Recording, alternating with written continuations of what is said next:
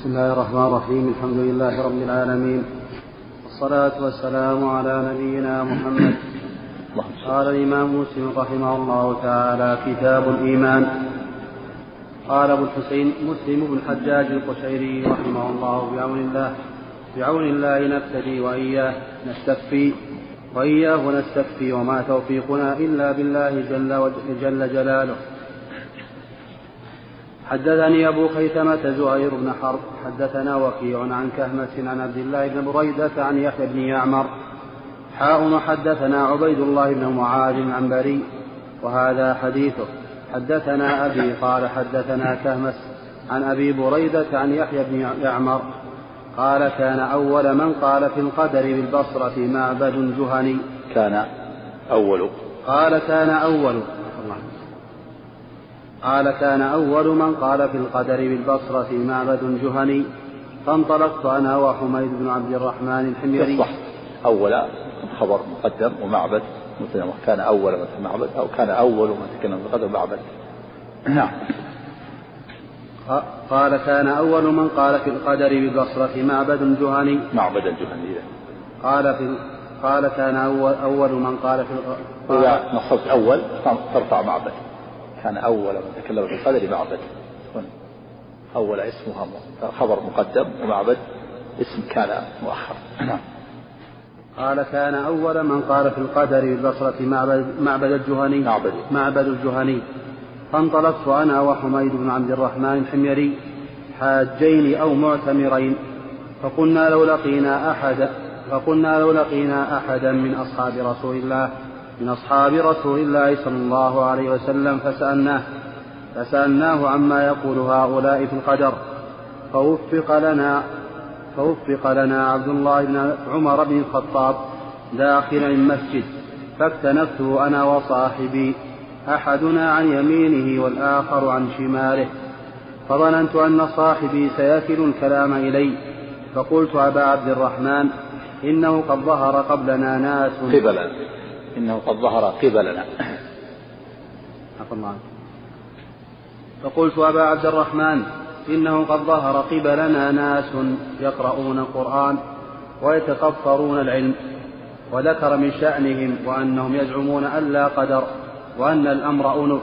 قال فإذا لقيت أولئك فأخبرهم أني بريء منهم وأنهم براء مني والذي يحلف به عبد الله بن عمر.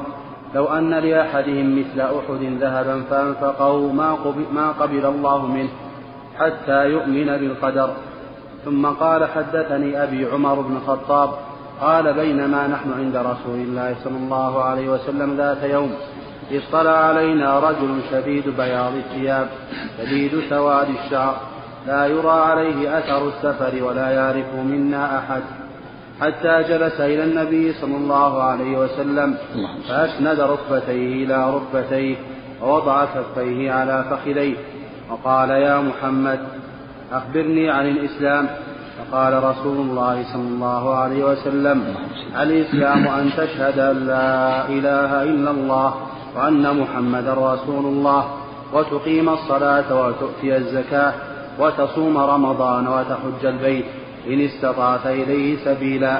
قال صدقت قال فعجبنا له يسأله ويصدقه. قال فأخبرني عن الإيمان. قال أن تؤمن بالله وملائكته وكتبه ورسله واليوم الآخر وتؤمن بالقدر خيره وشره. قال صدقت قال فأخبرني عن الإحسان. قال أن تعبد الله كأنك تراه. فإن لم تكن تراه فإنه يراك. قال فأخبرني عن الساعة. قال ما المسؤول عنها بأعلم من السائل؟ قال فأخبرني عن أماراتها. قال أن تلد الأمة ربتها وأن ترى الحفاة العراة وأن ترى الحفاة العراة العالة رعاء الشاء يتطاولون في البنيان. قال ثم انطلق فلبثت مليا ثم قال لي يا عمر أتدري من السائل؟ قلت الله ورسوله أعلم. قال فإنه جبريل. فإنه جبريل أتاكم يعلمكم دينكم. بسم الله الرحمن الرحيم. الحمد لله رب العالمين. والصلاة والسلام على أشرف الأنبياء والمرسلين نبينا محمد وعلى آله وصحبه أجمعين. أما بعد فإننا نحمد الله أن أعادنا إلى هذه المجالس مجالس العلم. نسأل الله أن يرزقنا جميعا العلم النافع والعمل الصالح. وها نحن نبتدئ بكتاب الصحيح صحيح الإمام مسلم رحمة الله عليه. بعد أن تم قراءة المقدمة هذا أول أول صحيح صحيح الإمام مسلم وهذا أول كتاب وهو كتاب الإيمان. والكتب الذي وضعها الإمام مسلم رحمه الله كتاب الإيمان كتاب الصيام كتاب الحج. أما الأبواب فليست له وإنما وضعها النووي الشارع رحمه الله. الأبواب ليست الإمام الإمام رحمه الله وضع الكتب كتاب الإيمان هذا وضعه الإمام مسلم رحمه الله. أما الأبواب فإنها ليست له ولهذا تجدونها موضوعة في الحاشية في الشرح. يسهل أما الكتب فهي تابعة تابعة للإمام تكون قبل. ولذلك قال الإمام مسلم رحمه الله كتاب الإيمان. وبدأ الإمام مسلم رحمه الله بالإيمان لأن الإيمان هو أصل الدين وأساس الملة. ولا يصح الإسلام ولا يصح دين العبد إلا بالإيمان. ولهذا بدأ به لأهميته. كما أن الإمام البخاري رحمه الله بدأ كتاب بدء الوحي ثم بدأ بكتاب الإيمان. وكان هذا عادة عادة المؤلفين القدامى والمحدثون عادتهم يبدأون بما يتعلق بالعقيدة. الإيمان والتوحيد. لأهميته ثم بعد ذلك بعد الكلام في العقيدة وبعد الأبواب التي تتعلق بالعقيدة والتوحيد والإيمان يبدأ بالطهارة. الصلاة الصلاة والطهارة ثم الزكاة ثم الصوم ثم الحج ثم البوع وهكذا. كان هذه عادة. المؤلفين القدامى الإمام البخاري والإمام مسلم وغيره من أهل العلم. وهذه هي الطريقة المثلى. ثم اصطلح المتأخرون من المؤلف. متأخرون على أن يجعلوا ما يتعلق بالعقيدة في كتب خاصة مؤلفات خاصة. ويبدأوا في كتبهم مؤلفات بكتاب الطهارة مثلا. رحمك الله كتاب الصلاة. كما فعل الحافظ في البلوغ بلوغ المرام بدأ طهارة. أما كتب العقيدة أما ما يتعلق بالعقيدة جعلوها في مؤلفات خاصة. وهذا صار له سلبية على المتأخرين. فصار كثير من المتأخرين لا يعرفون العقيدة. صاروا يبدأون بما كتبه المؤلفون المتأخرون يبدأون بالطهارة والصلاة والصيام والزكاة والحج والعقيدة عملها لأنها فصلت عن عن عن مؤلفاتهم. فصاروا كثير من الناس لا يعرف العقيدة ويعرف أحكام الطهارة والحيض والنفاس. لأن والسبب في هذا كونهم فصلوا كونهم فصلوا ما يتعلق بالعقيدة عن عن عن, عن الفروع. فصار كثير من الناس يعتني بالفروع ولا يعتني بالعقيدة. ولهذا كان الشيخ الإمام مجدد محمد بن رحمه الله يقول لبعض الناس أطلب منكم أن تقرأوا العقيدة والتوحيد كما تقرؤون في كتب الطهارة والصلاة والصيام. اعتنوا بهذا مثل ما اعتنيتم بهذا. اقرأوا هذا مثل ما تقرأون هذا. لأنه وجد كثيرا من الناس لا يعرفون العقيدة ويعرف أحكام الطهارة وأحكام الحيض بسبب كونوا متأخرين فصلوا. ما يتعلق بالعقيدة وجعلوا في مؤلفات خاصة وصاروا يبدأوا في مؤلفاتهم. كما يبدأ الفقهاء الآن. الفقهاء الآن زاد زاد المستقنع الآن مثلا. والمتأخرون بلوغ المرام عمدة الأحكام ما ما يذكرون ما يتعلق بالعقيدة يبدأون بالطهارة والصلاة ثم الزكاة ثم الصوم ثم الحج. بدعوى أن العقيدة تحتاج إلى مؤلفات خاصة. فصار كثير من الناس مؤلف مؤلفات المتأخرين في الفروع ولا يقرأ ما يتعلق بالعقيدة وصار جاهلا بالعقيدة. أما القدامى المؤلفون القدامى كالإمام مسلم والإمام البخاري الترمذي وجماعة وغيرهم. ماجه أصحاب السنن. فإنهم يبدأون في مؤلفاتهم في العقيدة فيما يتعلق بالاعتقاد. ثم بعد ذلك ينتقلون إلى مباحث الطهارة والصلاة والزكاة والصوم والحج.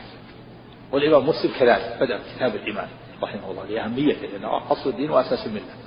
والإيمان معناه في اللغة العربية التصديق. الإيمان معناه في اللغة العربية التصديق قال الله تعالى عن إخوة يوسف وما أنت بمؤمن لنا أي بمصدق. أما معنى الإيمان في الشرع فهو تصديق التصديق والاعتقاد بالقلب والإقرار باللسان والعمل بالقلب وبالجوارح تصديق يقول العلماء تصديق إقرار تصديق بالجنان وإقرار باللسان وعمل بالأركان. يزيد بالطاعة وينقص بالعصيان. هو تصديق وإقرار واعتراف واعتقاد بالقلب ونطق وإقرار باللسان. يعني ينطق الإنسان بالشهادتين يشهد أن لا إله إلا الله يشهد الله بالوحدانية والنبي بالرسالة. ويعمل بجوارحه. فيكون مسمى الإيمان اسم لاعتقاد القلب وإقرار اللسان وعمل القلب وعمل الجوارح. يسمى الإيمان أعمال القلوب وأقوال أقوال القلوب وأعمالها. وأقوال اللسان. أعمال القلوب أقوال القلوب وأعمالها. وأقوال اللسان وأعمال الجوارح. يزيد بالطاعة وينقص بالعصيان فيكون العمل جزء من مسمى الإيمان. والإقرار باللسان جزء من مسمى الإيمان. والاعتقاد جزء من مسمى الإيمان. مسمى الإيمان أوسع.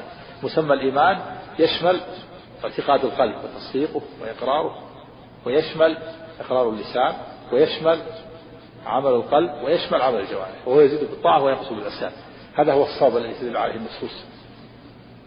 وهو الذي قرره جمهور أهل السنة. والأدلة في هذا كثيرة.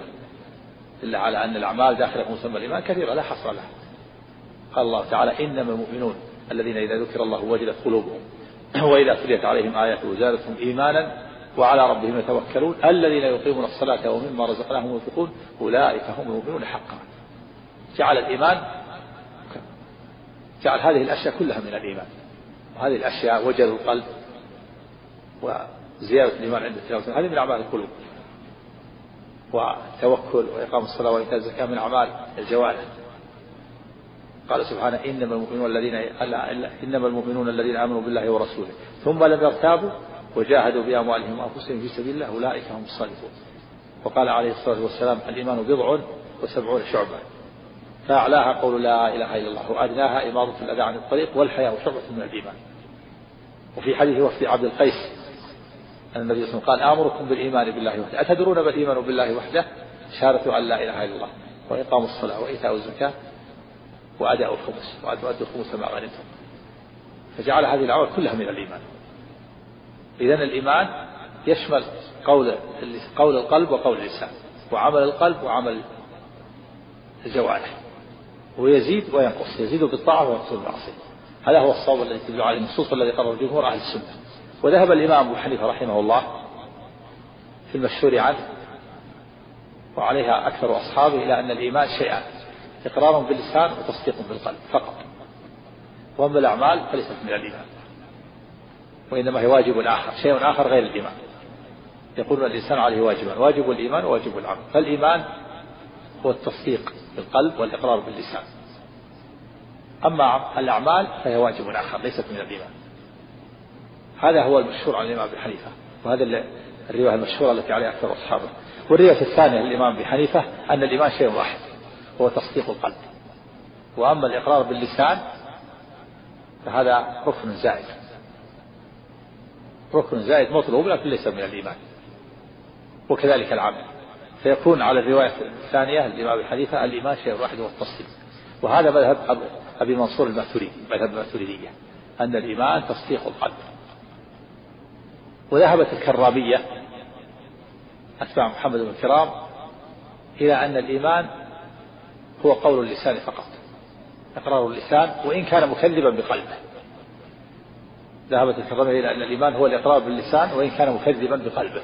وعلى هذا فيكون المنافقون مؤمنون. على مذهب الكرامية لأن المنافقين يقرون بألسنتهم ويكذبون بقلوبهم كما قال الله تعالى ومن الناس من يقول آمنا بالله وباليوم الآخر وما هم بمؤمنين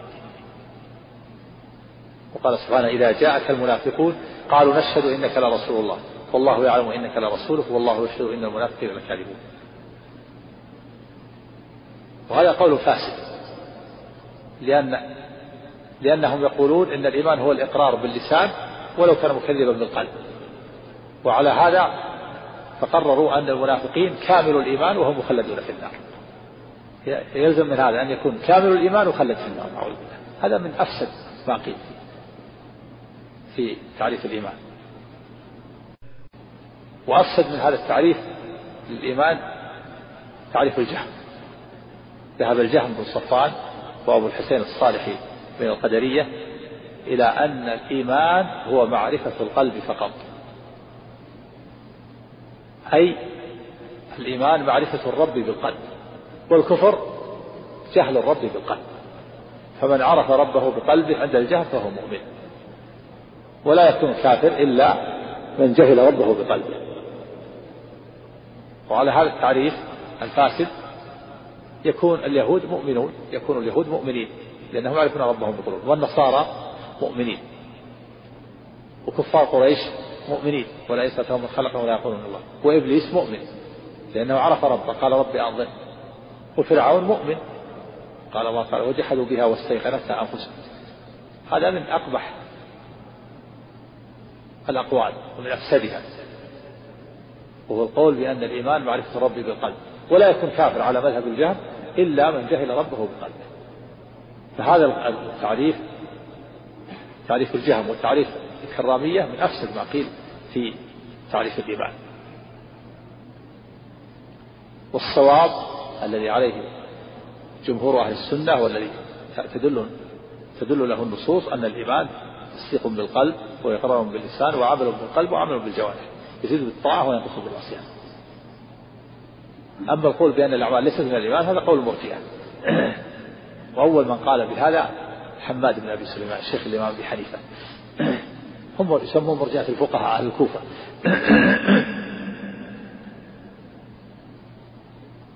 وفي حديث جبريل الطويل هذا الذي ساقه المؤلف رحمه الله فيه بيان مسمى الإيمان ومسمى الإسلام. فإن النبي صلى الله عليه وسلم فإن جبرائيل سأل النبي صلى الله عليه وسلم عن الإسلام ففسره بالأعمال الظاهرة فسره بالشهادتين والصلاة والزكاة والصوم والحج. وسأل عن الإيمان ففسره بأعمال القلوب الباطلة فسره بالإيمان بالله وملائكته وكتبه ورسله واليوم الآخر والقدر خيره وشره. فاختلف العلماء في مسمى الإسلام ومسمى الإيمان. هل مسماهما واحد؟ أو مسماهما مختلف. فقال بعض العلماء ذهب الإمام الزهري رحمه الله إلى أن الإيمان هو كلمة أي إلى أن الإسلام هو كلمة والإيمان هو العمل. كلمة يعني الشهادتان هذا هو الإسلام والإيمان هو العمل. الزهري رحمه الله ذهب إلى أن الإيمان هو الإسلام هو كلمة والإيمان هو العمل. وذهب آخرون إلى أن الإيمان والإسلام مترادفان. فالإسلام هو الإيمان والإسلام هو الإيمان. فالإسلام هو الإيمان والإيمان هو الإسلام. استدلوا بقوله تعالى في سورة الذاريات فأخرجنا من كان فيها من المؤمنين فما وجدنا فيها غير بيت من المسلمين. هو بيت واحد. بيت لوط عليه الصلاة والسلام. وصفه الله بالإيمان وصفه بالإسلام. فدل على أن الإيمان والإسلام شيء واحد. وذهب إلى هذا الخوارج والمعتزلة والمرجئة. قالوا أن أن الإسلام هو الإيمان والإيمان هو الإسلام. والجواب عن الاستدلال بهذه الآية أن هذا البيت وهو بيت لوط اتصف بالإيمان واتصف بالإسلام. حقق فيه الإيمان والإسلام. وذهب آخرون من أهل العلم إلى أن الإسلام هو الأعمال الظاهرة والإيمان هو الأعمال الباطنة. واستدلوا بحديث جبريل هذا. قالوا إن الرسول عليه الصلاة والسلام فسر الإسلام بالأعمال الظاهرة. وفسر الإيمان بالأعمال الباطنة. والصواب أن أن الإسلام والإيمان إذا اجتمعا اختلف المعنى. وإذا أطلق أحدهما اتفقا ودخل أحدهما في الآخر. فهما مرتبط أحدهما بالآخر في المعنى والحكم. فالإسلام والإيمان مرتبط أحدهما في المعنى والحكم فإذا أطلق الإسلام وحده دخل فيه الإيمان. يشمل أعمال القلوب وأعمال الجوارح وإذا أطلق الإيمان وحده دخل فيه الإسلام. إذا أطلق الإسلام وحده دخل فيه الإيمان. وإذا أطلق الإيمان وحده دخل فيه الإسلام. فإذا أطلق الإسلام فإن الدين عند الله الإسلام. ورضيت لكم الإسلام دين الإسلام إذا أطلق يشمل أعمال القلوب وأعمال الجوارح. وكذلك الإيمان. إذا أطلق وحده دخل فيه أعمال القلوب وأعمال الجوارح. يا أيها الذين آمنوا يدخل فيه أعمال القلوب وأعمال الجوارح. أما إذا اجتمع فإنه يفسر الإسلام بالأعمال الظاهرة ويفسر الإيمان بالأعمال الباطنة. كما في حديث جبريل هنا اجتمع. لما اجتمع فهم إذا اجتمع افترقا وإذا افترقا اجتمعا إذا اجتمع افترقا اختلف المعنى. صار الإسلام يراد به الأعمال الظاهرة والإيمان يراد به الأعمال الباطنة. وإذا جاء أحدهما وحده دون الآخر اجتمعا دخل أحدهما في الآخر. وهذا له نظائر. مثل الربوبية والألوهية. إذا أطلقت الربوبية وحدها دخلت فيه الألوهية. كقول الملكين للميت من ربك؟ يعني من إلهك؟ الرب يشمل الألوهية. وإذا اجتمع بقوله تعالى قل أعوذ برب الناس ملك الناس إله الناس. فسر الرب المالك المتصرف والإله بالمعبود. فإذا اجتمع صار لكل واحد منهما معنى وإذا أطلق أحدهما دخل فيه الآخر مثل الفقير والمسكين. إذا أطلق الفقير وحده دخل المسكين فيه المسكين. وإذا أطلق المسكين وحده دخل فيه الفقير. وإذا اجتمع فسر الفقير بما هو أشد حاجة. وكذلك الإسلام والإيمان. إذا أطلق الإسلام وحده دخل فيه الإيمان دخل فيه الأعمال الباطنة والأعمال الظاهرة. وإذا أطلق الإيمان وحده كذلك.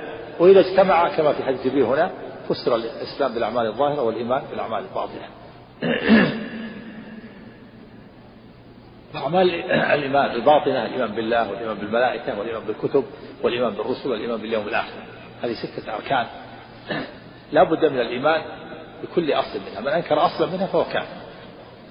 ولهذا كفر ابن عمر رضي الله عنه من أنكر القدر كما في هذا الحديث قصة يحيى بن أعمر وحميد. لما قالوا إن أول من تكلم بالقدر معبد الجهني. معبد الجهني هو هو أول من تكلم بالقدر وأنكر القدر. هو زميله غيلان الدمشقي.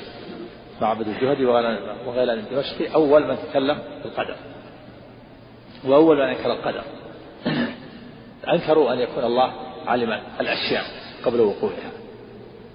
وقالوا إن لا قدر أنكروا قدر الله وعلمه بالأشياء أنكروا سبق علم الله الأشياء. وقالوا إن الشيء مستأنف وجديد. إن الأمر أنف يعني مستأنف وجديد.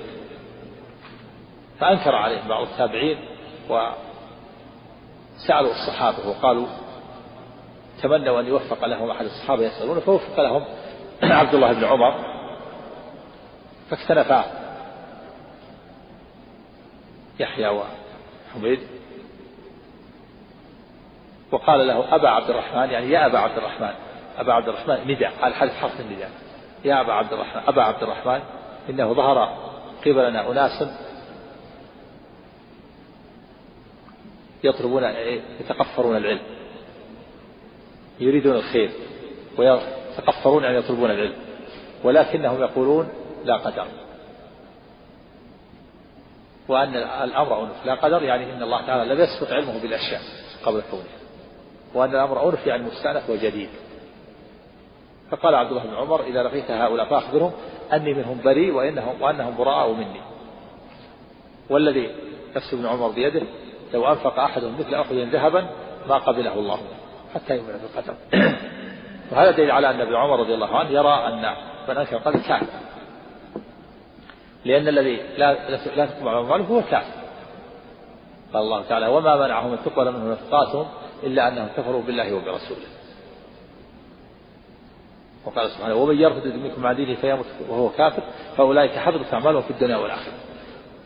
وما ذاك إلا لأن من أنكر علم الله بالأشياء قبل كونها قد نسب الله للجهل ومن نسب الله إلى الجهل فقد كفر. وهذا مذهب القدرية الغلاة الأولى. ينكرون علم الله السابق وكتابته للأشياء. وهم الذين قال فيهم الأئمة كالشافعي وغيره ناظروا القدرية بالعلم. فإن أقروا به خصموا وإن أنكروه كفروا. فمن أنكر سبق علم الله الأشياء قبل كونها وكتابته لها في اللوح المحفوظ فإنه كافر. لأنه ينسب الله إلى الجهل نعوذ بالله. هؤلاء هم القدرية الأولى غلاة القدرية هم الذين كفرهم العلماء. أما القدرية المتأخرون فإنهم يثبتون العلم والكتابة ولكن ينكرون عموم الإرادة والمشيئة وعموم الخلق. لأن مراتب القدر أربع علم الله بالأشياء قبل كونها ثانيا كتابته لها في اللوح المحفوظ ثالثا الإرادة الشاملة العامة لكل موجود. الرابع خلقه للأشياء. فالقدرية الأولى ينكرون المرتبتين الأوليين ينكرون العلم والكتاب هؤلاء كفار.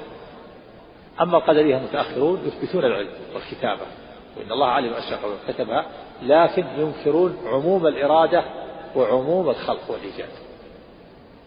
ينكرون عموم إرادة الله للأشياء وخلقه للأشياء قبل قالوا إن إن الله تعالى لا يقول إن الله خالق كل شيء بل يقول هناك شيء لم يخلقه الله وهي أفعال العباد. أنكروا خلق الله إلا أفعال العباد. ما يقول إن الله خالق كل شيء بل يقول هناك شيء لم يخلقه الله وهي أفعال العباد. بشبهة حصلت لهم. وهي الشبهة هذه الشبهة أنهم يقولون لو قلنا إن الله خلق المعاصي وعذب عليها لكان ظالما. ففرارا من ذلك قالوا إن الله لم يخلق المعاصي والعبد هو الذي يخلق فعل نفسه استقلالا. طاعة ومعصية. ولهذا قالوا إنه يستحق الثواب على الله يستحق الثواب على الله كما يستحق الأجر وأجره.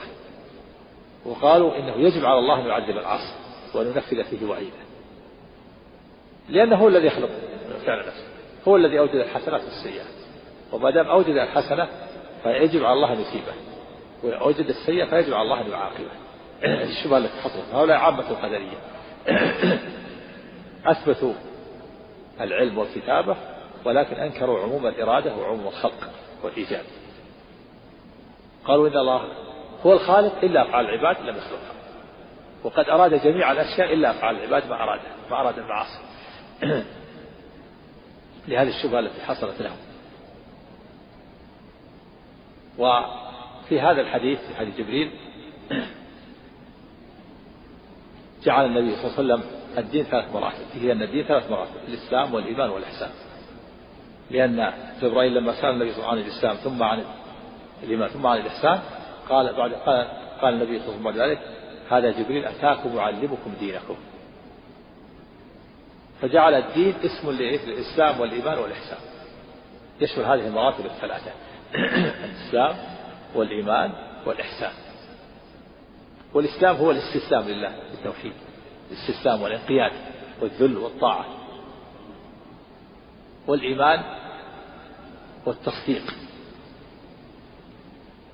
والاعتراف والاعتقاد والإحسان أن تعبد الله على المشاهدة. تعبد الله له مرتبتان. أن تعبد الله كأنك تراه هذه المرتبة الأولى. المرتبة الثانية أن تعبد أن تعبده. إن لم تكن تراه فإنه يراك. أن تعبده على أنه يراك. أن تعبد الله كأنك تراه. والمرتبة الثانية أن تعبد الله كأنه يراك. على أنه يراك. هذه هي مراتب الدين. مراتب الدين ثلاثة الإسلام والإيمان والإحسان. ولا بد من للمسلم لصحة إسلام العبد وإيمانه من من أن يأتي بالأعمال الظاهرة والأعمال الباطنة لا بد من هذا. فإذا التزم المسلم بأعمال الإسلام الظاهرة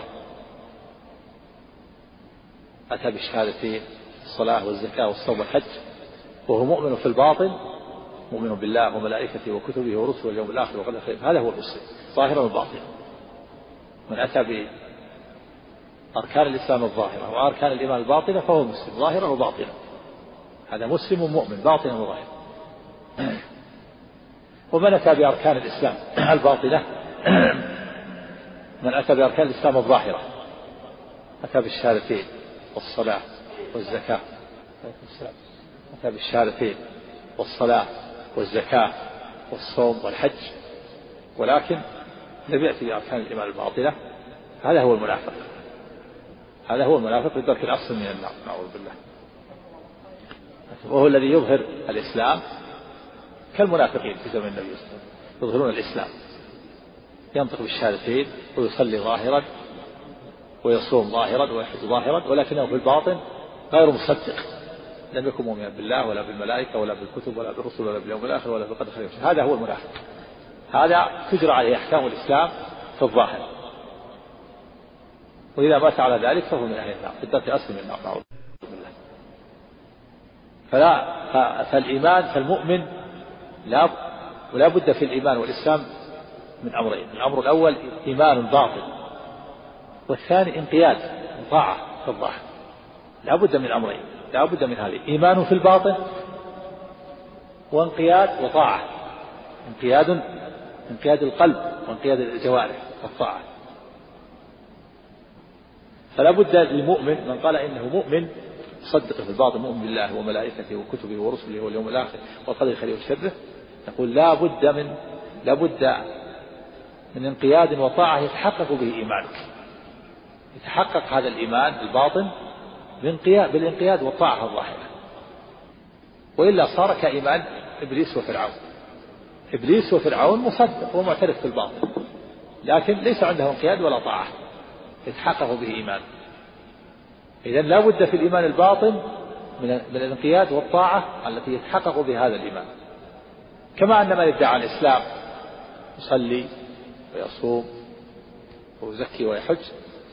لا بد في هذا الإسلام من إيمان في الباطن يصحح هذا الإسلام. وإلا صار كإسلام المنافقين.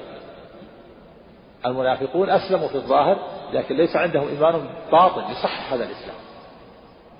فالإسلام الظاهر الأعمال الظاهرة من ادعى الإسلام في الظاهر فإنه لا بد له من إيمان يصح بهذا الإسلام إيمان باطن تصديق باطن يصح بهذا الإسلام وإلا صار كإسلام المنافقين.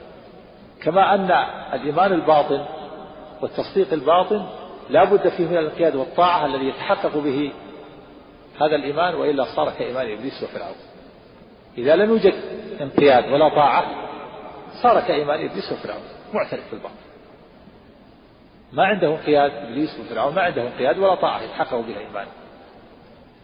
وكذلك الإسلام في الظاهر الأعمال الذي يعمل الأعمال في الظاهر. لا بد فيه من إيمان باطل يصح به هذا الإسلام وإلا صار كإسلام المنافقين. المنافقون يعملون يصلون ويحجون لكن ليس عندهم إيمان يصح به إسلام وفرعون وإبليس مصدقان في الباطل. لكن ليس عندهم قياد ولا طاعة يتحقق بها هذا الإيمان.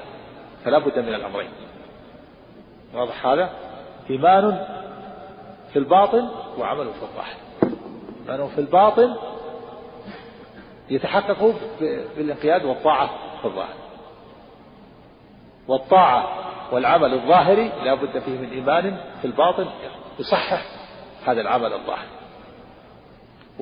وأصول الإيمان الستة وهي الإيمان بالله والإيمان بالملائكة والإيمان بالكتب والإيمان بالرسل هذه لا, لا بد منها. أصول مجمع عليها. أجمع عليها المسلمون. اتفقت عليها الشرائع. جاءت بها الرسل. فمن أنكر واحدا منها فليس بمسلم. من أنكر وجود الله هذا أعظم الكفار كالاتحادية والملاحدة والشيوعيين. هؤلاء أعظم الكفار أعظم الناس كفرا كذلك من أنكر الملائكة جحد الملائكة كافر من جحد الكتب كافر. من جحد الرسل كافر. أو رسول من الرسل أو كتاب من الكتب. من أنكر البعث والإيمان باليوم الآخر كافر. من أنكر القدر كافر. هذه أصول لا مجمع عليها. أجمعت عليها الرسل والكتب المنزلة. فمن أنكر واحدا منها جحد واحدا منها خرج من دائرة الإسلام وصار من الكافرين. نعوذ بالله.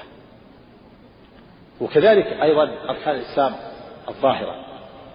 الشهادتان والصلاة والزكاة والصوم والحج من أنكر واحدا منها كفر. من أنكر وحدانية الله أو رسالة النبي صلى الله عليه وسلم هذا كافر. من أنكر وجوب الصلاة كافر. من أنكر وجوب الزكاة فهو كافر. من أنكر وجوب الصوم فهو كافر. من أنكر وجوب الحج فهو كافر. لأن هذه أمر أمور معلوم من الدين بالضرورة ليس فيها خلاف. أما من أقر بالصلاة ولم يجحد وجوبها فهذا محل خلاف بين أهل العلم. ولكنه أقر بالصلاة ولكنه لم يصلي.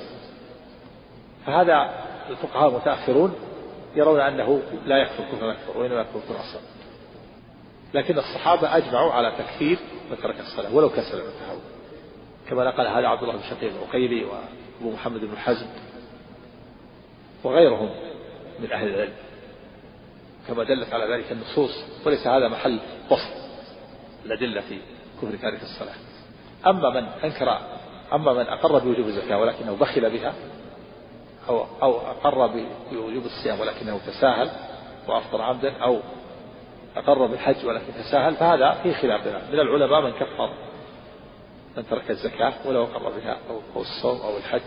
والصوم أنه لا يكفر وإنما يحسن يكون فاسق ويؤدب. ويعزر بما يراه الحاكم وتؤخذ منه الزكاة قهرا ولا يكفر. كذلك الصوم إذا أفطر يؤدب ما دام أنه لم يجحد ولا يكفر. على الصحيح وكذلك الحج إذا أخره وفي هذا الحديث العظيم هذا الحديث جبريل بدأ به الإمام مسلم رحمه الله في صحيحه وهو حديث عظيم. فيه جاء في بعض الروايات أن وسيأتي أن أن النبي صلى الله عليه وسلم قال سلوني فهابوا أن يسألوه. فأرسل الله جبريل فسأل النبي صلى الله عليه وسلم هذه الأسئلة ليتعلم الناس. فيه أيضا أن الإنسان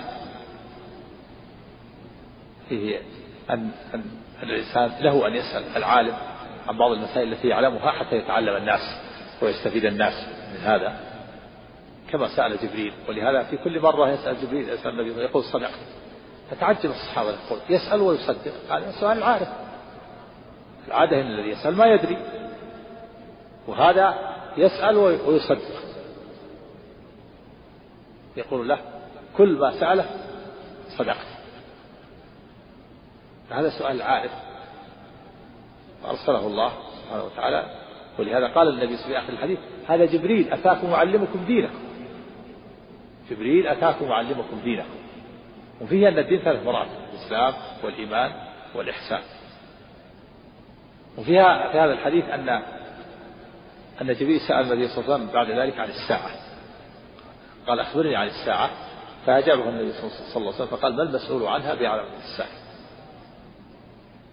هذا فيه دليل على أن العالم إذا سئل عن شيء لا يعلمه لا يتكلف. يقول لا لا أدري. أو يقول لا أعلم. أو يقول ما المسؤول بأعلم السائل كما قال. وهذا يدل على كون الإنسان إذا سئل شيء يقول لا أعلم ولا أدري أو يتوقف أو يقول أمهلني أو يحتاج إلى تأمل ونظر هذا يدل على ورع طالب العلم حيث لم يقدم على شيء لا يعلمه. ولهذا يقول العلماء إن العالم إذا أخطأ كلمة الله أعلم أو لا أدري أصيبت وقعته. قال بعضهم كلمة لا أدري نصف العلم. وذلك لأن العلم نوعان نوع تعلمه ونوع لا تعلمه. فالذي لا تعلمه فقل لا أدري هذا نصف العلم. هذا النصف الذي لا تعلمه. قد سئل الإمام مالك رحمه الله إمام دار دار الهجرة عن أربعين مسألة. فأجاب عن أربع مسائل. وقال في ست وثلاثين مسألة لا أدري. ست وثلاثين مسألة. فاستعظم السائل وكان السائل جاء من بعيد. السائل جاء من بعيد وقال أنا جئت من بعيد. ضربت إليك أكباد الإبل. ست وثلاثين مسألة لا تعلم. كيف كيف أقول للناس وورائي ماذا أقول؟ قال قل يقول الإمام مالك لا أدري. يقول مالك لا أدري. ما يقول ما قال قال الإمام يقول مالك لا أدري يقول مالك لا أدري يقول مالك لا أدري. قل هذا ورفع بها صوت واعتبر هذا من فضائله فضائل الإمام مالك رحمه الله. أنه قال في ست وثلاثين من أربع من أربعين مسألة لا أدري. ولهذا لما سأل جبريل النبي صلى الله عليه وسلم عن الساعة قال ما المسؤول عنها؟ بأعلم من السائل يعني علمي وعلمك سواء قال فأخبرني عن أماراتها. فذكر شيئا من أمارات الساعة. قال أن تلد الأمة ربتها. وفي لفظ أن تلد الأمة ربها. وفي لفظ أن تلد الأمة بعلها ربها وربتها أن تلد الأمة ربها ربتها يعني سيدتها. وربها سيدها. اختلف العلماء في معنى ذلك كون الأمة تلد ربتها. فقال بعضهم هذا الحديث يدل على كثرة السراري وأن تكثر السراري وأن الناس يتسرون الإماء وكذلك الملوك يتسرون الإماء فتلد الأمة من الملك ولدا أو بنتا فإذا ولدت الأمة ولدا أو بنتا صارت صار الولد سيدا على أمه والبنت سيدة على أمها لأن ابن الملك كالملك يكون سيدا على أمه أو أن المعنى قيل المعنى أن الإماء تلد الملوك تلد الملك نفسه. يعني الأمة يتسرها الملك فتلد ابن الله فيكون ملكا بعده. يكون ملكا سيدا على أمه وعلى غيرها. هذا على كثرة على كثرة السرائر وأما الرواية الأخرى تلد الأمة بعلها قيل المعنى بعلها سيدها كما وقيل المعنى المراد سيدها زوجها. لأن الزوج سيد. ولهذا قال الله تعالى في قصة يوسف وألف يا سيدها لدى الباب. امرأة العزيز. ألف سيدها؟ جعل زوجها سيدها. وألف يا سيدها لدى الباب. فالزوج سيد على زوجته. قيل تلد الأمة بعلها يعني زوجها. قال بعض العلماء إن هذا يدل على انتشار الفساد. في آخر الزمان. حتى تلد الإماء الأولاد ويتبايعونها ويكثر بيعها في أيدي الناس. ومن كثرتها قد ترجع إلى إلى ولدها. فيتزوجها وهو لا يشعر أنها أمه ولا يشعر أنها أمه. فتكون الأمة ولدت بعدها زوجها. لأن الناس يتداولون الإماء ويتبايعونها. ولدت هذا الولد ثم تبايعوها الناس وتتداولها الأيدي حتى ترجع إلى ولدها فيشتريها ويتزوجها وهو لا يشعر أنها أمه وقيل المعنى أنها سيدة أمة ربها يعني سيدها. لأنه إما إما ابن للملك أو يكون هو مالكا فيكون سيدا على على أمه وعلى غيرها. أن تلد هذا من أشراط الساعة أن تلد أمة ربها وأن ترى الحفاة العراة العالة رعاء الشاء يتضاولون في البنيان. هذا شرط آخر من أشراط الساعة. ترى الحفاة العراة الحفاة الذين لا نعال عليهم والعراة الذين ثياب عليهم يعني ثيابهم مخرقة. رعاء الشاء يرعون الغنم يتطاولون في البنيان يعني يسكنون في المدن ويبنون البنيان. بدل ما كانوا حفاة وعراة يرعون الإبل صاروا يسكنون في المدن ويبنون البيوت ويتطاولون في البنيان. كما هو الواقع الآن. البادية تحضروا وصاروا منذ زمن بعيد تحضروا وصاروا يبنون العمارات وكانوا في الأول بادية يرعون الغنم. كان هذا حال الصحابة هكذا. كانوا في الأول رعاء الشاء من فضلك اقلب الشريط. وصاروا منذ زمن بعيد حضروا وصاروا يبنون العمارات وكانوا في الأول بادية يرعون الغنم. كان هذا حال الصحابة هكذا كانوا في الأول رعاء الشاء حفاة عراة فلما أكرمهم الله بالإسلام صاروا ملوك الناس ورؤوس الناس. فتحوا الفتوح وصلوا الأمصار وصاروا أمراء على البلدان صاروا رؤوس الناس بعد أن أكرمهم الله بالإسلام. هذه أشراط الساعة وأشراط الساعة كثيرة كما ذكر أهل العلم والعلماء يقسمونها إلى قسمين صغرى ووسطى. علامات الصغرى كثيرة أولها بعثة نبينا صلى الله عليه وسلم. فإن نبينا محمد صلى الله عليه وسلم نبي الساعة. كما قال بعثت أنا والساعة كهاتين. وأشار بالسبابة والوسطى. ومنها موته عليه الصلاة والسلام. ومنها فتح بيت المقدس. ومنها ما جرى من الفتن والحروب بين الصحابة ومن بعدهم فإن النبي أخبر بذلك. قال لعمار تقتله الفئة الباغية. وقال للحسن إن ابني هذه سيء إن ابني إن ابني هذا سيء وسيصلح الله به بين فئتين عظيمتين من المسلمين. فوقع هذا. كذلك من الأشرار الكثيرة التي جاءت في الأحاديث وفي غيرها ظهور البدع الخوارج والمعتزلة والرافضة وغيرهم استبدادهم بالأمر في بعض العصور استبدوا بالأمر.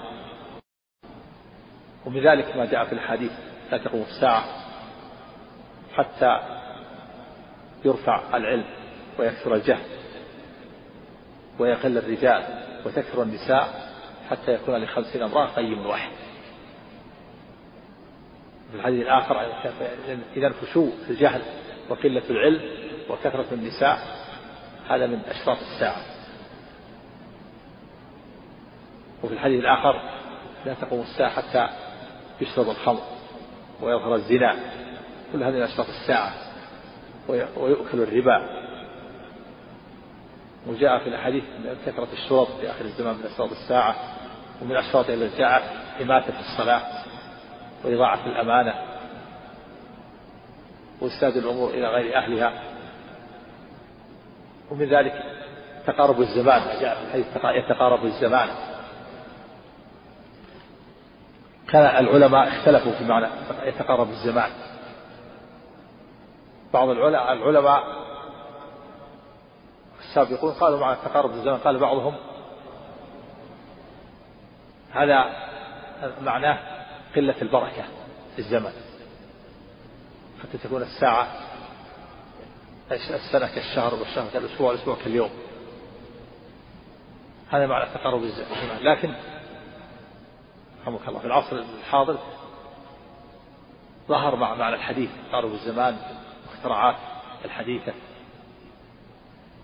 تقارب الزمان صار العالم كأنه قرية واحدة. صار من بالمشرق يعلم خبر من بالمغرب يتصل به في الحال والعكس. وكان هذا أشكل على العلماء السابقين قبل أن توجد المخترعات الحديثة الآن ظهر تقارب الزمان. تقارب الزمان قطع المسافات البعيدة في وقت قصير. طائرات أو قطارات والمراكب الفضائية وغيرها هذا تقطع المسافات البعيدة في زمن قصير والمكالمات الهاتفية كذلك تقرب البعيد. هذا كله من أشراط الساعة. ولا تزال تتزايد أشراط الساعة شيئا بعد شيء. ومن ذلك أيضا أشراط الساعة ما جاء في الحديث أنه يحسر الفرات عن جبل ذهب. يتقاتل الناس عليه. هذا لم يقع. يقتل من كل مئة تسعة وتسعون ويبقى واحد. وكل واحد يقول لعلي أنا الذي أنجو. يريدون الذهب وفي لفظ أن أن أهله الذين عنده قالوا كيف نتركوه والناس يأتون من بعيد؟ فيدخلون معه فيحصل مقتلة عظيمة. هذا يظهر والله أعلم قبيل اشتراط على الساعة الكبار والحروب كذلك بين النصارى والمسلمين. قبيل اشراط الساعة الكبار. ثم تأتي أشراط الساعة الكبار لم يخرج منها شيء وهي عشر تتتابع. كنظام كعقد سلك انقطع فتتابع أولها المهدي رجل من آل النبي صلى الله عليه وسلم. اسمه كاسم النبي صلى الله عليه وسلم وكنيته ككنيته. محمد بن عبد الله المهدي. يملأ الأرض عدلا كما ملئت جورا يبايع له. في وقت ليس للناس فيه إمام وقت وقت خلاف ما فيه للناس إمام يبايع له فيملأ الأرض عدلا كما ملئت قسطا وجورا وفي زمنه يخرج الدجال وهي الشرط الثاني من أشرار الساعة الكبار. وهو رجل من بني آدم. يدعي الصلاة أولا ثم يد... ثم يدعي النبوة النبوة ثم يدعي الربوبية. أعور عين اليمنى مكتوب بين عينيه كافر تجري على يده الخوارج المعروفة. قبل خروجه يحصل ملحمة ومقتلة عظيمة تفتح القسطنطينية ويعلق المسلمون سيوفهم بالزيتون فيصيح الشيطان إن الدجال خلفكم في أهليكم. بعد الحرب بعد حروب طاحنة تحصل بين المسلمين وبين النصارى. بعضها أنه أن بعض الحروب التي تحصل أنه أنه يتعاد بنو الأب الواحد المئة فلا يجوز إلى الواحد والإثنين. سلم والباقي ماتوا بنو الأب الواحد يعني العائلة أو القبيلة مئة شخص يتعادون لا يدون إلا الواحد والإثنين منهم. والباقي أكلتهم الحروب. يخرج الدجال بعد ذلك في زمن المهدي ثم ينزل عيسى بن مريم عليه الصلاة والسلام وهي العلامة الثالثة في زمن الدجال. فيقتل مسيح الهدى مسيح الضلالة. ثم يخرج يأجوج ومأجوج في زمن عيسى. هذه أربع متوالية ومرتبة. يأجوج ومأجوج. أمة من بني آدم. أمة اسمها يأجوج والأمة الثانية مأجوج. من بني آدم يفسدون في الأرض. فيتحرز نبي الله عيسى ومن معه من المؤمنين بجبل الطور ويدعون الله فيهلكهم الله. في فيموتون في وقت واحد فرسة كنفس واحدة. فيرسل الله طيرا. كامل البخت. تأخذهم وتلقيهم في البحر. وينزل الله مطرا يغسل الأرض. من رائحته وإلا فالله تعالى حكيم عليم. لو ترك لمات الناس وخامهم وراء لكن هذه أربع متوالية ثم بعد ذلك تتوالى أشراط الساعة الكبار. منها الدخان الذي يبلأ الأرض ويصيب المؤمن في هيئة والكافر يدخل في سمعه وبصره ويؤذيه هذا شديد ثم هدم الكعبة في آخر الزمان نعوذ بالله ينقضها رجل من من الحبشة حجر حجر حتى يلقيه في البحر فيصلي الناس إلى الجهة ثم تلك الجهة. ثم نزع القرآن والعياذ بالله من صدور الرجال ومن المصاحف. إذا ترك الناس العمل منه نزع من الصدور ومن ثم من آخر أشراط الساعة طلوع الشمس من مغربها في آخر الزمان. يغلق معها باب التوبة. ثم الدابة والدابة وطلوع الشمس من مغربها مقترنتان فأيتهما خرجت فالأخرى على أنفها قريبا. ثم آخر الشرط تقبل أرواح المؤمنين والمؤمنات. تأتي ريح طيبة يقبل الله فيها أرواح المؤمنين والمؤمنات. ما يبقى أحد إلا قبل فلا يبقى إلا الكفرة. ويبقى الشرط الأخير الشرط الساعة نار تخرج من قاع الأعداء تسوق الناس إلى المحشر. تبيت معهم إذا باتوا وتقل معهم إذا قالوا ومن خلف أكلته وإذا خلت الأرض من التوحيد والإيمان قامت الساعة خربت قامت القيامة وخرب هذا الكون. هذا الكون لا يخرب ما دام فيه موحد مؤمن. يقول لا إله إلا الله. ولهذا في الحديث الآخر يقول النبي صلى الله عليه وسلم لا تقوم الساعة حتى لا يقال فرض الله الله الله الله. المعنى لا يعرفون كلمة الله أو أنهم لا يقولون لا إله إلا الله. فإذا قبلت أرواح المؤمنين والمؤمنات ما بقي أحد يقول لا إله إلا الله. وهم في ذلك حسن رزقهم دار عيشهم. فيتمثل لهم الشيطان فيقول ألا تستجيبون لي؟ يقول ما تأمرنا فيأمرهم بعبادة الأوثان فيعبدون الأوثان. فعليهم تقوم الساعة تقوم الساعة وهم مشغولون في دنياهم.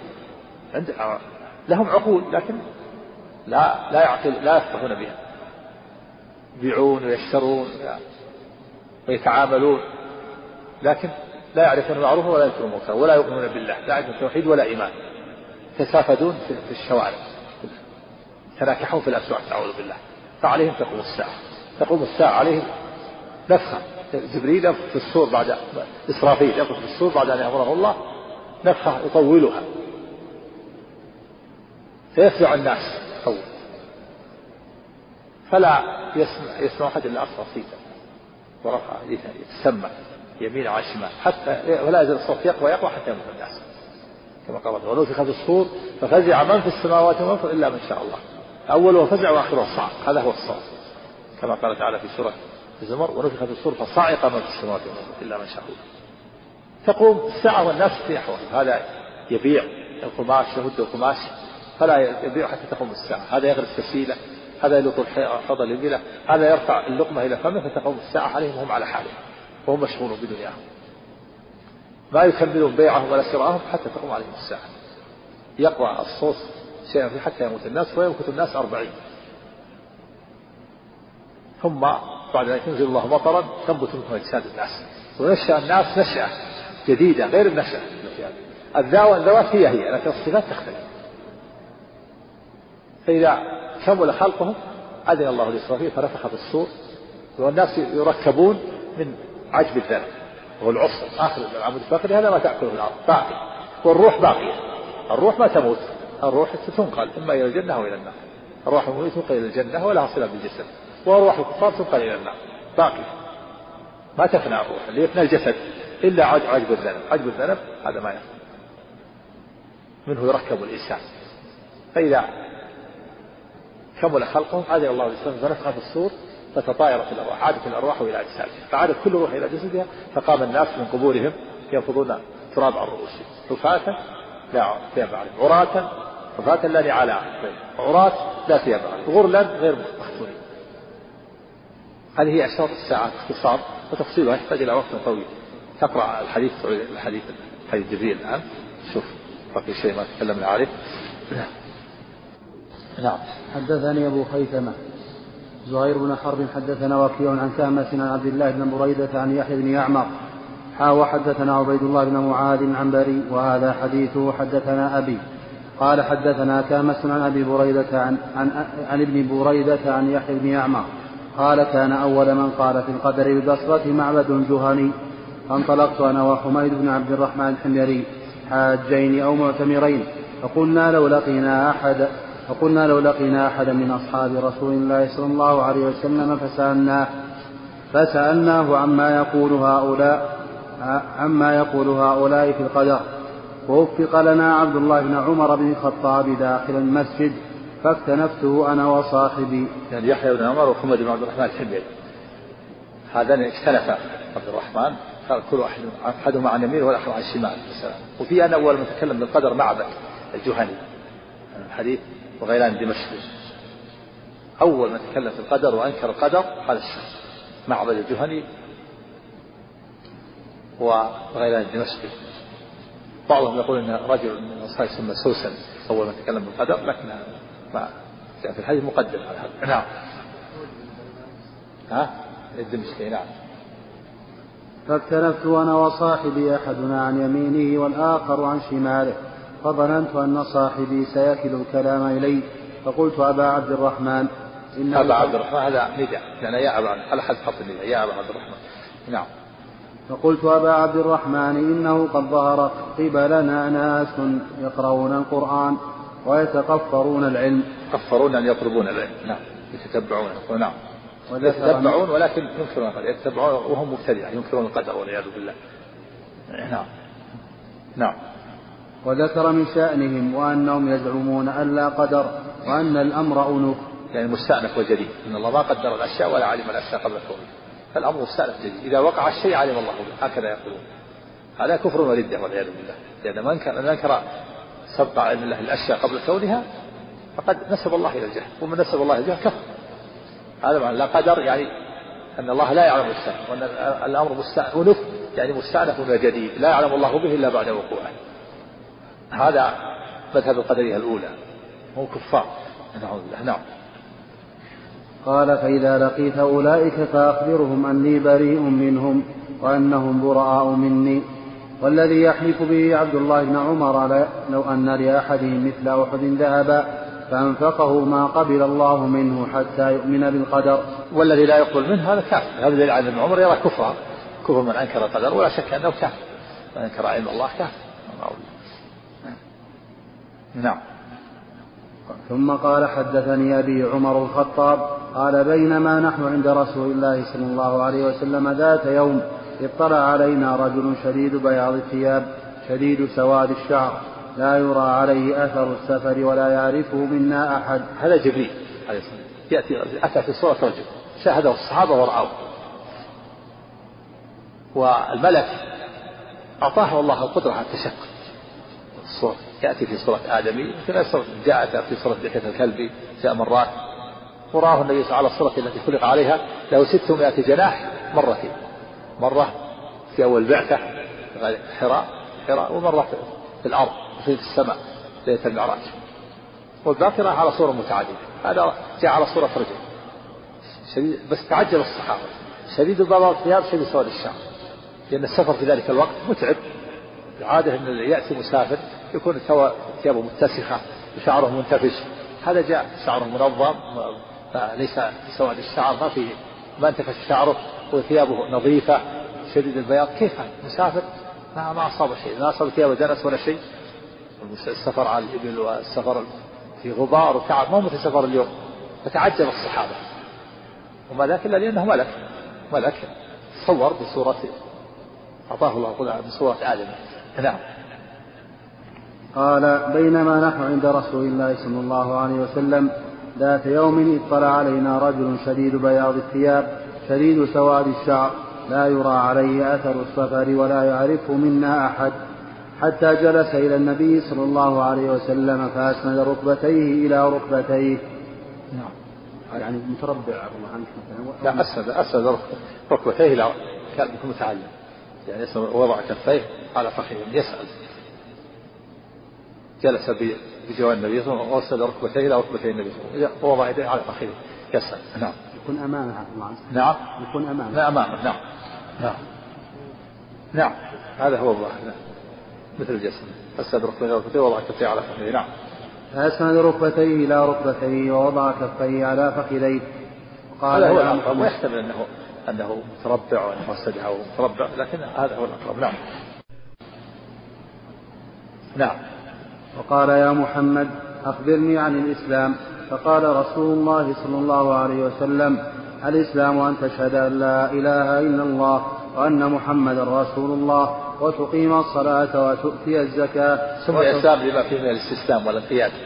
فالمسلم هو المستسلم المنقاد المطيع الخاضع. فالمسلم منقاد مطيع لله خاضع له ذليل له. نعم. مستسلم له بالتوحيد. نعم. قال فقال رسول الله صلى الله عليه وسلم الإسلام أن تشهد أن لا إله إلا الله وأن محمدا رسول الله وتقيم الصلاة وتؤتي الزكاة وتصوم رمضان وتحج البيت إن استطعت إليه سبيلا. قال صدق. قال فعجبنا له يسأله ويصدقه. قال فأخبرني عن الإيمان. قال أن تؤمن بالله وملائكته وكتبه ورسله واليوم الآخر وتؤمن بالقدر خيره وشره. ثم في الإيمان لما فيه من تصديق القلب واعترافه وإقراره نعم. قال صدق. قال فأخبرني عن الإحسان. قال أن تعبد الله كأنك تراه. فإن لم تكن تراه فإنه يراك. هذا يكون الإحسان لأنه يعبد الله على المشاهدة. والذي يعبد على المشاهدة لابد أن يحسن عمله يكون عمل حسن. يخلصه لله يكون عمله خالص.